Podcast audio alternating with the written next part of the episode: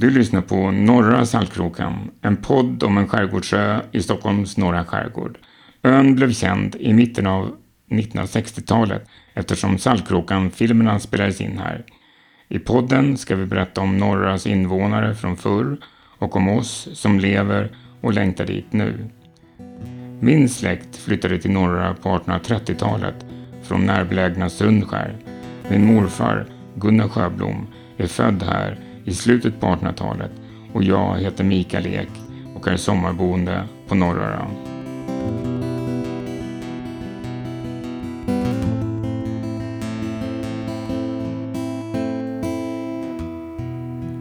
Jag talar Saltkråkan med Mikael Blom.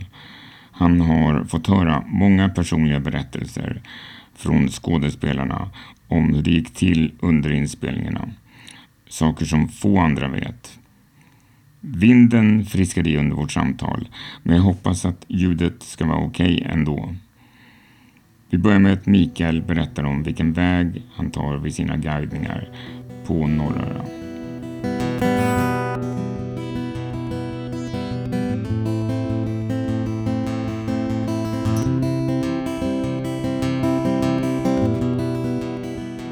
tar emot dem då vid ångbåtsbryggan när alla är i land och, och så visar ju på den där lyktstolpen, där stod Tjorven och väntade på båten. Fast det störtregnade skulle hon ju ta emot den. Eh, och det som händer där. Då vet man att det var fuskregn i och för sig. Ja exakt, det har Stefan Lindholm. Det var en otroligt varm sommar har Stefan Lindholm berättat för mig. Så att vi fick ha regnmaskin sa han så fort det skulle regna. Och eh, så visar jag också på den där lilla klippskrevan där till eh, höger om man står på ångbåtsbryggan nedanför där Tjorven och Pelle badade med kläderna på. På midsommarafton. Just. När de skulle vara finklädda. Så, så, och sen går vi, börjar vi gå så småningom. Eh, och sen stannar jag till eh, uppe vid det som var Nisse Granqvists lager, en gammal matkällare. På vänster sida. Det, jag inte vet vilken, vilkens tomt Just det, är. det är styrmans tomt då? Det kanske det är. Med gult hus? Ja, det är det. På vänster sida? Ja. Mm. Det, det, är han som körde, körde ångbåtar ja. Okej. Okay. Styrman Sjöblom. Där bodde han själv ja. ja. Okej. Okay. Eh, då var det naturligt att de hade hans matkällare ja. Eh, och sen så uppe vid korset så visar jag på Panget och pensionatet och berättar lite om det där med båtsman som fes så äckligt och, och lite andra saker. Eh, och eh, sen direkt och efter det så kommer ju Södermans lilla kåk. Och tvärs över där så är ju min, min eh, familjs gamla släktgård då, som nu är såld och den som är tvärs över Panget. Ja, ja. Diagonalt över korsningen. Ja, den där fina med fönsterluckor. Ja, precis. Ja, jättevacker. Det tycker jag är vackraste huset. Och det är till salu nu. Jaha. Det Så du bor något. inte där du? Kanske vore... Nej, vi har tyvärr... Ingen i släkten verkar vara intresserad av att köpa tillbaka den. Nej, nej. Och jag, jag har inte råd.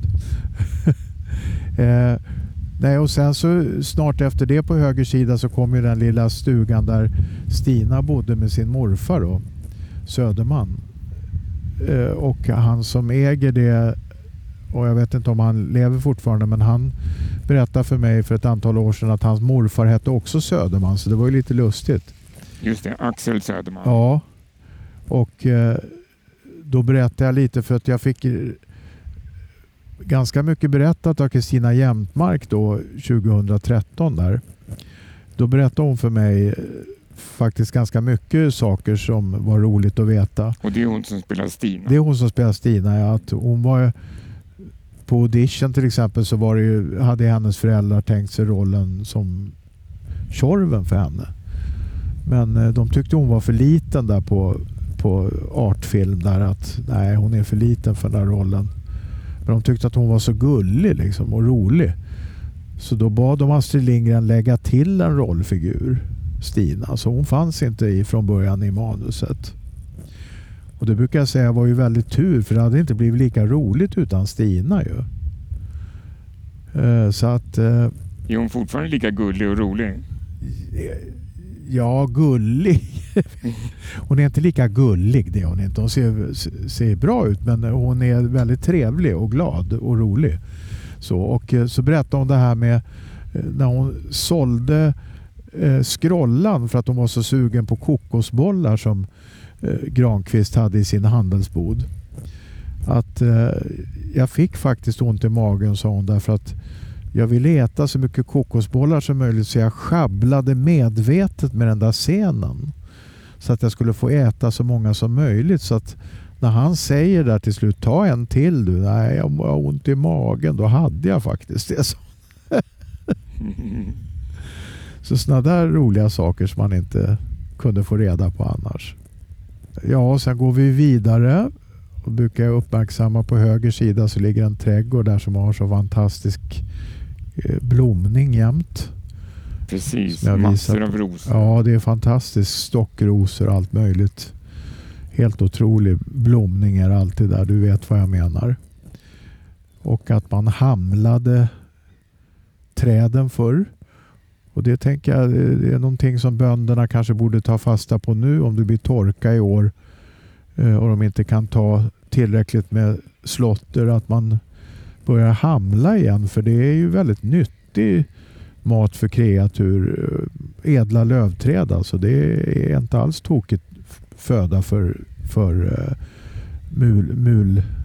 Ja, alla kan ju äta det. Även får och getter äter ju gärna sånt. Men, men kor kan också äta det faktiskt. Och eh, ja, sen är vi ju då nästan framme. Men då brukar jag stanna ett, utanför Snickargården så brukar jag visa på hur landhöjningen eh, har förändrat utseendet därför att då var det en havsvik till vänster där nedanför fortfarande. Då gick, gick det in en vik där Melker metar abborre med Johan och Niklas. För det gör han mitt emot, gör de mitt emot där på en flat klipphäll. Men idag är det torra land. Idag kan man gå över där. Eh, och vi har ju 50 centimeters landhöjning på 100 år. Så att eh, det hinner bli sådär på 60 år. Jo, min morfar de, de kunde ju ro hela vägen in till utanför Panget så finns det en liten bod där på andra sidan vägen. Var det inte den gamla hamnen? Nej, den låg egentligen bortåt på andra sidan så var det ju en byviken. Ja. Det ligger bortåt det som idag eh, kallas Bybacka där byn låg fram till 1719 när den brändes. Men den är ju helt uttorkad. Det är, bara, eller det är dike kvar fortfarande. Okay. Eh, då har jag missuppfattat. Men sen 1719 då flyttar man ju byn till nuvarande läge. Ja. Och e- efter 1719 alltså. Eh, men då var ju öjan mycket större och eh, gick mycket längre in i, i de här vikarna som idag ja, just det. är helt torra. Just det. Och sen närmar ner... Ja, sen, sen går vi in på Stickargården och då brukar vi gå samma grindhål som, som Melkerssons gick då när de kom. Det som är rakt nedanför ingången då? Ja, precis ja. Uh, och sen så avslutar jag där med att berätta uh, när det ryker in och uh, Tjorven säger till Melker att det kanske är en uggla som har byggt bo i skorstenen och sådär fast det är det ju inte. Håll dig i spiskroken. Ja, håll, allt det där. och sen så om vattenledningen. Den här trädet som var som en gammal ek som stod där. Som, som han byggde vattenledningen från som tyvärr är nersågad eh, sedan många år. För jag känner hon som sågade ner trädet i alla fall. Jaha, okej. Okay. eh, för att hon var rädd att det skulle... Hon bodde nämligen i snickargården och det var en höststorm och hon var orolig att nu välter det över huset snart här så hon sågade ner det. Men ja, det är fantastiskt att ni får komma upp, men ni, kommer, ni går inte in i huset? Nej, det brukar jag göra klart för besökarna ganska tidigt att ni kommer inte få gå in och det är nästan inga scener som är inspelat. Det är lite när eh, de ligger och ska sova där i första avsnittet och det regnar in. Det är inspelat inne i Snickargården men det här köket och det, det är faktiskt eh, ateljé eh, i Stockholm. Alltså SFs ateljéer. Så att, handelsboden försökte man bygga upp först i en lada på ön. Men jag tror också det blev eh, SFs ateljé så småningom. Sen. Just det, man använde väl olika ställen för man klippte väl en del Där på, ute. på ja. norra ja, Mm. precis. De, de satt och gjorde rätt mycket jobb där ute vad jag förstår. Man och skickade in det till stan och framkallade och så fick man tillbaka och, Ja, och klippte. ja. Det var därför de, eh, de använde den här, han som stöter på Malin, eh, Christer. Den där fina Solö träräsen där. Just det. Den, den, eh, den köpte vi till Lindgren sen tror jag. Eh, ut, utav eh, Artfilm, eller hon fick den. För den blev ganska så... Den var inte så fin sen som när han raggade där i första säsongen. För den var en sån där budbåt verkligen. Så den slarvar de rätt mycket med. Jo, på den tiden hade vi inte dagliga förbindelser mellan norra och Furusund och sådär som vi har idag utan då fick man ju fixa det själv. Då var det liksom Idag kommer båten på onsdagen. Liksom. Ja, första säsongen 63 eller när de spelade in där, det var, väl, var det 63 de spelade in och 64 i januari de släppte va? Ja, mars tror jag va? Ja, mars. Ja. Ja. Men då, då fanns ju till och med affär där ute. 63. Just det, det var si nog sista säsongen kanske. Mm, ja. som det fanns eh, affär. Mm. Eh, jo, men det stämmer. Och den låg väl där eh, nedanför ert släkthus precis. Precis bakom kan man säga. Ja. Mm. Det, det, det har jag i alla fall fått berättat för mig. Mm. Och det verkar som att den nästan är intakt inuti också. Oj! Men jag har faktiskt aldrig varit inne. Men eh, det, det får bli något slags projekt framöver här och att det ska finnas diskar och grejer fortfarande kvar. Oj, vore kul alltså. Men i och för sig så användes ju den ju inte då. Men det var väl ett skäl då för att den var i, i, i, i bruk då som de, man inte valde att vara där. Eh, och och sen behövs det en del plats för kameror att röra sig också. Just det, det var ju så, så Och den var ju ganska trång. Ja, exakt. Det hade inte funkat liksom. Då var det inte steady camera som det är idag. Idag kan ju kameramannen springa med en gyroupphängd kamera på, Mm. på höften. Ja, På, de. på den här tiden det var otroligt mycket väntan berättade Stefan Lindholm som spelar Pelle. Jag har aldrig spelat så mycket fotboll i hela mitt liv sa han, de här, som de här somrarna. För du vet, skulle de till exempel följa Melker då när han skulle springa jagad av getingarna och sen hoppa i. Ja, då var det ju en räls man måste lägga för kameravagnen liksom. Det var ju otroliga eh, liksom eh, eh, projekt för varje scen liksom. Ja, det tänker man inte på idag. Eh, Det ser man ju på såna här storfilmer ibland att de håller på med sådana saker. Men att lägga lite räls överallt på norra, det är inte det lättaste. Nej, bergsknallar och kulligt och, och, och bökigt. Nej, så det var, det var mycket projekt. Det är alltid märkligt när man ser Saltkråkan och, och, och så vet man och så går de runt hörnet där och sen kommer de fram på någon helt annat ställe på ön. Ja, Nej, men det där är ju liksom 300 meter därifrån och så bara... Malin står och ropar kom in och ät och då, då, då svarar de, då är de nere, då är de nere vid, vid, vid, vid Måsberg liksom och badar. Så de är på en helt annat ställe på ön. Och det kan till och med vara Söderöra ju. Faktiskt i vissa scener. Vinterscenerna är ju, är ju mestadels inspelade på Söderöra. Ja, precis. Just det, de, där känner man inte igen sig som norrabo. Utan, men, så de flesta saker, ja det är klart, Snickargården behöver de ju ha på norra då också. Då. Ut, ut, lite ytterscener men Ja, annars så, så var det ju lättare för, för det var lättare för ångbåten och eh, den ligger ju så knäppt, eran ångbåtsbrygga där på Norröra. Eh, för, utsatt för alla väder och vindar. Men Söderöra är ju mera skyddat. Så där hade de ju lättare och eh, veta att de kunde komma därifrån också. Jo, det är lite skillnad med dagens moderna båtar också som kan gå in i stort sett i vilket väder som helst. Ja, ja, precis. Nej, så när man ser eh, Tjorven där då är ju byvägen på Söderöra som hon kommer rödrosig där och stickad tröja liksom och de har snöbollskrig och, och sen bonden då, det måste ju ha varit den sista bonden som hade kor där på Söderöra och det är väl inte helt konstigt att han hette Jansson heller i verkligheten för det är en stor släkte som heter Jansson där på Söderöra. Farbror Jansson, det hette han säkert i verkligheten. ja just det, var det kor med också då? Ja. Och det var den sista som hade kor där på Söderöra. Norröra, de hade försvunnit några år tidigare tror jag på slutet på 50-talet eller något sånt där. Och vilka nationaliteter är det som kommer? Det är naturligtvis många svenskar men vad är det mer som, var finns det mer intresse för Saltkråkan? Det, det har kommit väldigt, väldigt un, under de åren som den norska kronan var, stod högt. Då kom det otroligt mycket norrmän.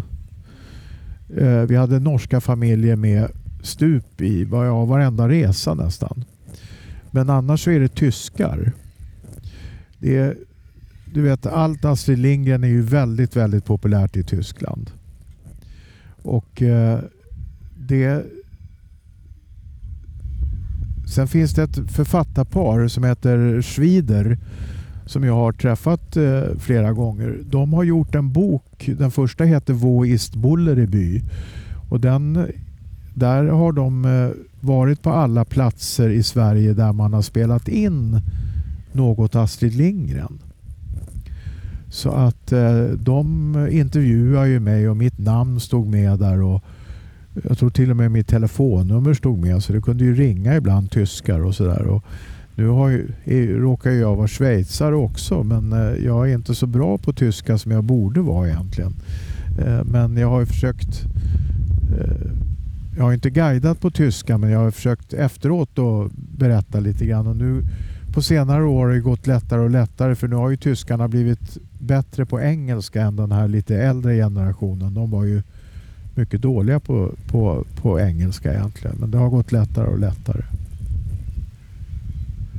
Och sen lite österrikare också. Holländare och belgare. Eh, danskar men eh, norrmän och tyskar skulle jag vilja säga. Men Norge, Norge var det ju stort. De kom ju ut 2013. Eh, då kom ju Aftenposten ut. Eh, och just den turen var förresten Stefan Lindholm med för han kunde inte vara med då när vi hade jubileumsturen. Eh, och då gjorde de, eh, de gjorde en hel film som låg i många år på deras hemsida Aftenposten. Där de intervjuade både mig och, och Stefan. Eh, så att eh, det, det, det, finns ett stort intresse och något som hedrar norrmännen det är att eh, det finns dubbat till norska men det gillar de inte. De vill se det på svenska faktiskt. Har du träffat Astrid Lindgren någon gång? Nej, det har jag inte men jag har träffat hennes dotter Karin flertal tillfällen. Och bland annat för eh, er var det två, tre år sedan nu då som då var Astrid Lindgren, ja det var den här när det var den här hypen om nyinspelningen och det här. Eh, då så var hela Astrid Lindgren AB ute. Och jag hade en guidning för dem och då var senast var det som jag träffade Karin Nyman som hon heter. Hon är ju väldigt lik Astrid. Ja, vad kul. Ja. Hon är väldigt pigg och mycket trevlig. Ja, när jag var barn då handlade vi alltid i Furusund där i Lindholms affär. Och, ja. och då, då såg man ju ofta Astrid i affären och sådär. Och, ja. och på vägen till sitt hus och sådär. Precis. Men jag vågade, då vågade man aldrig gå fram och säga någonting till nej, henne. Nej. Hon var litet barn. Sådär. Nej, men hon var ju, det har ju Louise Edlin som spelar Malin. Hon har ju berättat att eh, hon var ju väldigt snäll mot... Eh, hon var ju ute ett par gånger och hälsade på under inspelningarna. Eh, och sen bjöd hon hem alla barnen till sig eh, i Furusund. Så att hon var ju väldigt eh, schysst så. Det var ju fantastiskt att alla hängde med under alla inspelningar för det var ganska många år som inspelningarna höll på. Ja. Uh, och alla barnen var vi med hela vägen. Det stupar väl lite grann på Torsten Liljekrona tror jag på slutet för att han är ju nästan inte med i Ruskprick och Knorrhane. För att jag tror att han eh, märkte nog att han höll på att förstöra sin artistkarriär skulle jag kunna tänka mig så han höjde sitt gage så väldigt. Eh, jag har hört någonting om det, om det var hans son som berättade. För att eh, han var ju en karaktärsskådespelare och det kan ju inte vara roligt för honom att säga att han skulle spela någon otäck typ i någon pjäs och komma ut och hugga ihjäl någon med kniv och så ropar någon i publiken men titta det är ju farbror Melker. Liksom. Så att eh, han fick nog lida ganska mycket för den där rollen på ett mm. sätt egentligen. Mm. Men Tjorven har väl också blivit väldigt förknippad med ja, sin roll? Hon, hon har ju det och hon har ju också lidit utav det. Var hon med nu när de åkte ut i maj där? Nej, jag tror inte det. Nej. nej. Nej, för hon har ju konsekvent sagt nej hela tiden. Jag tycker att nu är det där så länge sedan så hon borde kunna släppa det. Att, att, eh, för, för att det, det, där var på gott och ont för henne. Hon, det, det, blev inte så bra. Många gånger väldigt tokigt. De hade en premiär till exempel. Den första premiären var ju på Royal-biografen här i Norrtälje. För det gjordes ju som biograffilm även de här första avsnitten från början. Så det, det var premiär... Alltså man klippte om dem? Ja, precis. Så det var premiär här på, i, på Royal-biografen i Norrtälje. Men sen var det någon annan större premiär som var på Saga i Stockholm. Eller Rigoletto eller något sånt där. Och då var kungaparet där och då fick alla klä sig jättefint. Liksom. Pelle hade kostym och Stina hade någon jättevacker klänning. Och Tjorven stackarn, hon fick ha sina Tjorvenkläder på sig rutiga hängselbyxor. Det är någon som har berättat det här för mig. Hon grät och grät och var så ledsen att hon inte skulle få vara finklädd när, när hon skulle få hälsa på kungen och drottningen. Ja, då trodde de inte att de skulle känna igen henne? Nej, jag vet inte. Det är jätte, jättekonstigt tycker jag. Då skulle alla barn ha fått haft sina så att säga ordinarie kläder på sig. Apropå norra och turisterna, har det varit någon direkt konflikt mellan turister och vi pratade lite om det förut, men mellan turisterna och norraborna, är det någon som har kommit och sagt till dig att ja, men det här var... Eller brukar det funka bra? Jag har hört att någon har kommit ut och så har de, har de inte haft någon mat med sig och barnen börjar gråta och någon har bjudit in dem och, och, och på lunch och sådär. Men det är bara av... För, för det står ju i ja, guideböcker. Jag ska berätta två saker. Ibland kan det vara kunde det vara så här att eh, det var någon som gnällde och såg inte att jag satt eh, och åt korv där på Ediths Café. Ja, säger jag då när jag hör vad hon säger. De har skräpat ner vid våran brygga. Det är säkert inte mina passagerare. Oj då, säger hon och vänder sig om. Eh, för att jag talar om för mina passagerare att de eh, får inte sitta på andras bryggor. Så det är nog några som åkt hit själva. Vad bra, säger hon. Ja, det är jättebra att du, att du talar om vad de får och inte får göra. För nu hade de skrepat ner här vid våran brygga. Ja, nej, det var säkert inte mina passagerare. Så att eh, det, det, har, eh, det har ju såklart varit lite smågnissel genom åren men oftast har det ju gått bra ändå tycker jag. Eh, nu tappar jag vad det var andra jag skulle berätta men det kanske dyker upp här så småningom det är synd att det inte finns ett café som kan ta hand om folk när de kommer dit nu. Ja, eh, ett tag fanns det ju tre kaféer faktiskt. Sjöboden, eh, Snickargården och Edith tror jag. Under, under en eller två somrar. Nej, det är jättetråkigt och eh, nu är det den där glass eh, glassbilen som man eh, har hoppats på att den ska vara där ibland. Och sen så de eh, barnen på snickargården där brukar ibland baka spontant och ha lite försäljning och sådär. Eh, men det är ju ingenting som är något bestämt och så. Men det, det är synd att det inte finns någon, någon servering. Hon som hade Edith och gjorde så fin servering där. Hon har ju känt att hon inte har orkat eh, med det. Så det måste man ju respektera. Eh, jo, det var så här att jag hade en chef på Blidösundsbolaget, jag säger inga namn, han blev väldigt skärrad för att eh, det, han, han fick ett väldigt skarpt klagomål utav några väldigt fina mammor. Jag tror till och med att de hade vindunk med sig och satt och drack vin efteråt. Och hade trott att jag skulle leka med deras barn efteråt, att jag skulle ta hand om dem. Och leka sjör, att det skulle lekas sjörövare och sådär. Eh, och då, så de var väldigt arga och besvikna. Eh, och eh, det, det, står ingenstans att det skulle vara på det sättet. Så att de hade ju helt missuppfattat det där. Men de var så otroligt missnöjda. Men han var så känslig för kritik så han gjorde en enkät. Och där kan jag säga att så mycket positivt, positiva svar. För det var ganska hög svarsfrekvens därför att de bjöd på en gratis middag för två på Blidösund och en resa. Så det var många som svarade. Och så, jag har sparat den där enkäten för så mycket positivt så, som folk sa om mig där som guide har jag väl aldrig läst förr eller senare. Så att eh, när han gnällde på mig någon gång efteråt sen så brukar jag säga du kan ju titta i enkäten om du vill. Så Precis, härligt. ja, det var ganska Men kommer det komma någon efter dig? Jag läste att det kanske kommer komma någon. Jo, han började redan förra sommaren. Mm. Jag skolade in honom, började skola in honom två sista turerna för förra sommaren. Sen var jag med honom två turer förra sommaren och sen släppte jag honom på egna vingar. Han heter Emil Geschwind. Och han, han? Emil Geschwind. Geschwind? Geschwind, ja. Han är, han är eh, uppvuxen eh, med Vikingabyn. Det var hans pappa som grundade Vikingabyn här utanför Norrtälje vid Storholmen. Så att han är van att ta, verkligen att ta emot bussar och bussresor och, och barn och blandade i liksom familjer och så.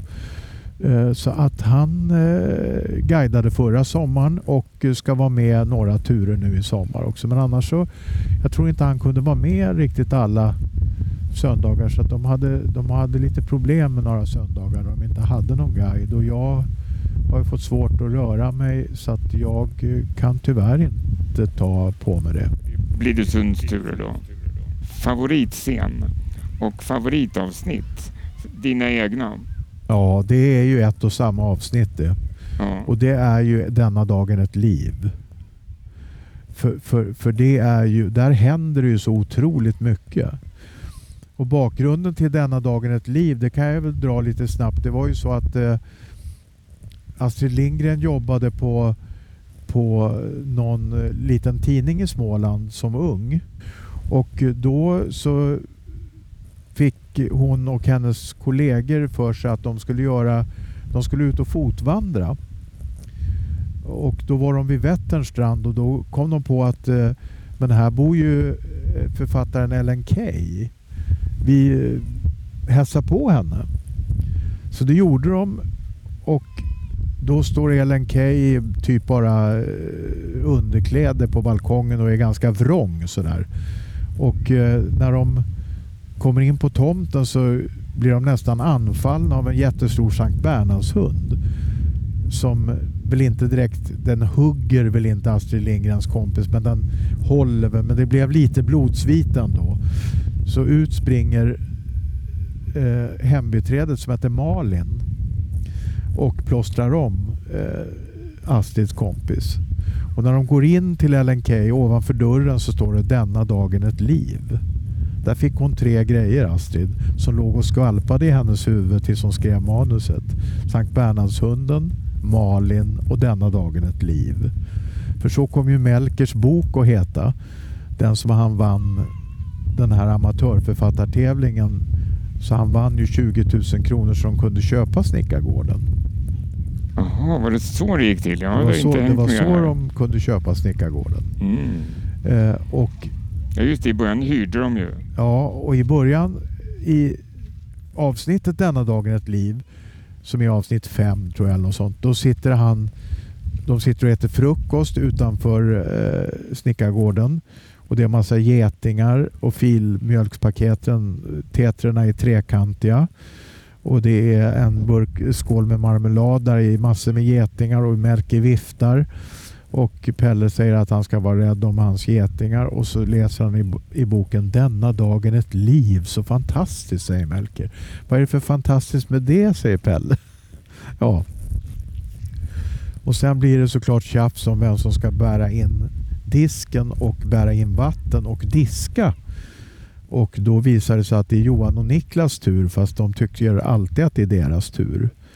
Eh, det gjorde vi ju igår. Nej, det var ju jag, sa, sa Malin, som diskade igår. Och då säger Pelle, märkte ni inte det Johan och Niklas när ni stod där och diskade att det inte var ni som diskade? Ja, tänk om vi, ha, tänk om vi skulle ha en vattenledning ändå, säger Johan och Niklas tror jag. Vattenledning, säger Melker och hugger på det. Sen kommer ju den här Christer då och raggar upp Malin och bjuder ut henne på sjön och hon tar ju med sig lilla Pelle då, lillebrorsan som ett förkläde kan man säga. Och sen sätter ju Melker igång med vattenledningen och då kommer ju Tjorven ganska omedelbart. Vad leker du för något farbror Melker? Jag leker inte, jag arbetar, säger han. För han är ju en händig kar. För det hade han ju bedyrat Malin att det inte behövs tas, tas ut några rörmokare från Norrtälje när, när ni har Melker Melkersson i huset. Liksom. Ja, sen så Ja, så vet ni hur det gick kanske med den där vattenledningen. Det hamnade på köksgolvet det mesta av vattnet. Och då när han äntligen har torkat upp så går han istället för att lära Johan och Niklas att äta abborre. Eh, och det är då de sitter vid den här viken som idag är torra land, som inte är någon vik. Och eh, eh då då är det bara Johan och Niklas som får fisk. Han får ju ingen fisk. Liksom. Så han sitter ju och somnar och då hänger de på en halvdöd. Så här, pappa du har napp. Så. Ja. ja. Vilken fast, säsong är det här då? Det är första säsongen avsnitt fem tror jag. Mm, mm.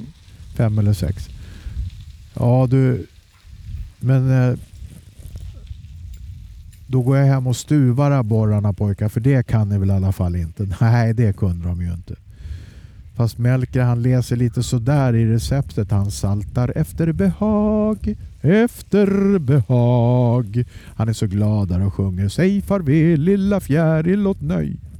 Och man skulle salta efter behag. Jo tack, han saltar flera gånger efter behag, halva saltpaketet. Eh, och, och, sen så kommer ju Malin och Pelle hem och är jättehungriga och alla smakar på abborren som är så salt så att det finns inte så salt det. Liksom. Och då, Pappa, hur mycket, hur mycket har du salta egentligen? Efter behag, säger Melker. Och då känner han sig sådär värdelös som är lätt att göra som förälder när man har misslyckats sådär en hel dag. Eh, och eh, ja, då slutar det med att han, Malin frågar men vad är det här? Jo det här är en idiotsäker grej säger han till Malin. Det är en vattenledning. Så kommer en geting och då tar han en brelapp och klappar till på vattenledningen. Så han får den i huvudet plus att vattenledningen sitter ju precis i anslutning till Pelles getingbo. Så han får ju då en hel svärm getingar efter sig och så slutar det med att han hoppar i plurret. Och även den här Christer då som håller på att städa båten och ska åka därifrån får hoppa i plurret jagad också av getingarna. Det var ett snabbreferat av avsnittet Denna dagen ett liv. Det måste jag säga du hör, jag kan min saltkråka. Ja, du kan din saltkråka. Härligt. ja, du måste ha sett dem hur många gånger som helst nu för att just att komma ihåg den där dörren och alla saker som du... Jag kan säga så här, i slutet på 80-talet, eh, långt innan, eh, tio år innan jag visste ens att det skulle bli guide på Saltkråkan. Då jobbade jag på Svenska kyrkan i London som manlig husmor eftersom jag är gammal kock. Eh, och eh, då eh, så tyckte jag så här att fasen vad gör jag i London? Ska jag vara här ett år? Jag, är så, jag har alltid varit så hemkär. Jag har alltid velat bo här i Norrtälje. Det var likadant när jag jobbade som kock i Stockholm. Jag försökte pendla. Fast jag jobbade nattklubb liksom ibland så pendlade jag. Liksom. Det var skitjobbigt. Så här. Men nej, jag, vill, jag vill inte bo i Stockholm. Och eh, då tänkte jag ska vara ett år här i London minst. Och det var mitt i sommaren. Fan, jag ville vara hemma i skärgården liksom. Så jag låg och tittade på Saltkråkan på video och grät och längtade hem efter några veckor bara. Det säger väl lite grann om mitt intresse av Saltkråkan kanske. Och eh, Norrtälje substitut och skärgårdssubstitut. Och, ja. Ja. Mm. ja, just att jag kände mig som Pelle när jag var barn där. Likadan Mm. flytväst och lika sandaler och sådär. Man, så, Så så, har du blivit kompis med Pelle. så blev jag det sen. Det är lustigt. Härligt. Ja, det kan man verkligen säga att Saltkråkan är. Det är ju den ultimata skärgårdsdrömmen tycker jag som man önskar att ens barn skulle få uppleva. Och mina barn har väl tyvärr inte fått upplevt att jag har hyrt något hus i skärgården. I och för sig så känner jag så mycket folk i skärgården så jag skulle kunna gjort det. Men jag har ju jobbat så mycket på somrarna jämt och då, de har ju varit med mig sedan de var jättesmå på Saltkråkan-turen. Så de har ju verkligen fått vara ute på sjön och, och badat även om de har fått åka till samma ställe hela tiden. Har de hittat kompisar där ute då? Nej, så har det nog inte blivit. De har nog hållit sig ganska nära till mig sådär. Ja, det har ju blivit, man pratar om saltkråkesommar och sådär som en perfekt sommar. Ja. Och det, det, det är väl så man ska se Saltkråkan tycker jag. Och ta det för, för den tiden, hur det var då när man spelade in då. Liksom. Det är säkert inte allt som är politiskt korrekt där idag. Eh, men, men eh, så var det då, 1963 när man spelade in. Och jag måste säga att jag tycker fortfarande att eh, Olle, Hell, Olle Hellbom var en väldigt fantastisk regissör att regissera barn. Han var väldigt bra på det. Och det, det hör jag när jag har pratat med skådespelarna också att de har inget ont att säga om Olle Hellbom. Han måste ha haft ett väldigt tålamod. Ja, han var väldigt bra med barnen. Både djur och barn i, i kombination, det är Ja, svår. och han hängde ju i. Alltså det sista Astrid Lindgren som han regisserade var ju Rasmus på luffen, den här med Allan Edwall. Eh, så att han höll ju på i många år alltså. Och han hade ju börjat redan de här svartvita Rasmus på luffen tror jag att det är han som har regisserat och, och de här eh, mästerdetektiven Kalle Blomqvist och de där eh, som spelades in då och i svartvitt. Som jag såg när jag var liten. Nej men tack, då stänger jag av. Ja, Tack för mycket. tack ska du ha att jag fick vara med. Jag ska lyssna nu på den här podden eh, för den hittar man alltså på Spotify. Till exempel, jag.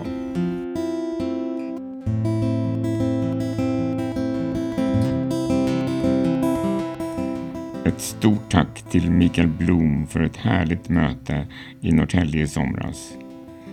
Säsongens nya musik spelas av Marcus Fagerlund och den är inspelad på min veranda i somras.